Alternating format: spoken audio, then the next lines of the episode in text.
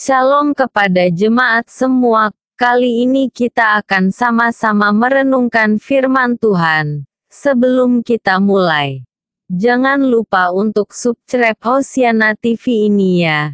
Jangan lupa di-share ya. Mari kita mulai dengan judul Bergantung pada Tuhan. Mazmur 119 ayat 129 sampai 144. Pada zaman ini kata ketergantungan terlanjur mendapat konotasi negatif. Tahukah kita bahwa Mazmur 119 juga merefleksikan bentuk ketergantungan, tetapi dalam konotasi positif, yakni ketergantungan pemazmur pada firman dan ketetapan Tuhan. Pemazmur mengekspresikan ketergantungannya lewat 176 bait yang dibagi dalam 22 stanza. Setiap stanza berisi delapan baris dan biasa terdapat kata kunci yang mengalami pengulangan. Pada nas ini kata-kata tersebut adalah Taurat Tuhan, janjimu, dan titahmu. Pemazmur mengungkapkan kenyataan yang meneguhkan atas firman Tuhan. Firman Tuhan sungguh menakjubkan, sebab menyingkapkan segala sesuatu, menampakkan jalan kebenaran, dan melingkupi manusia dengan damainya.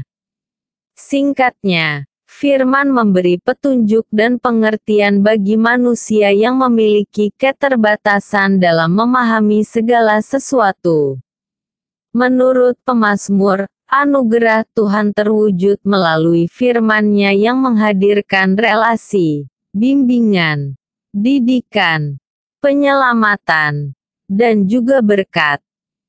Pemazmur menyadari bahwa manusia tidak bisa mengandalkan kekuatan diri sendiri untuk menjaga relasi dengan Tuhan, mengalahkan dosa, serta menaati firman-Nya.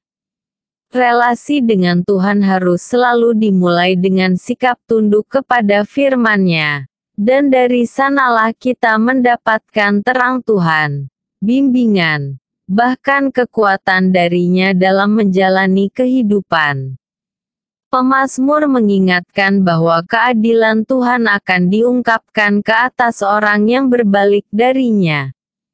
Sudah sepatutnya manusia gentar di hadapannya tetap bergantung serta berserah dalam segala hal. Pemasmur mengungkapkan keprihatinannya atas mereka yang berbalik dari Tuhan.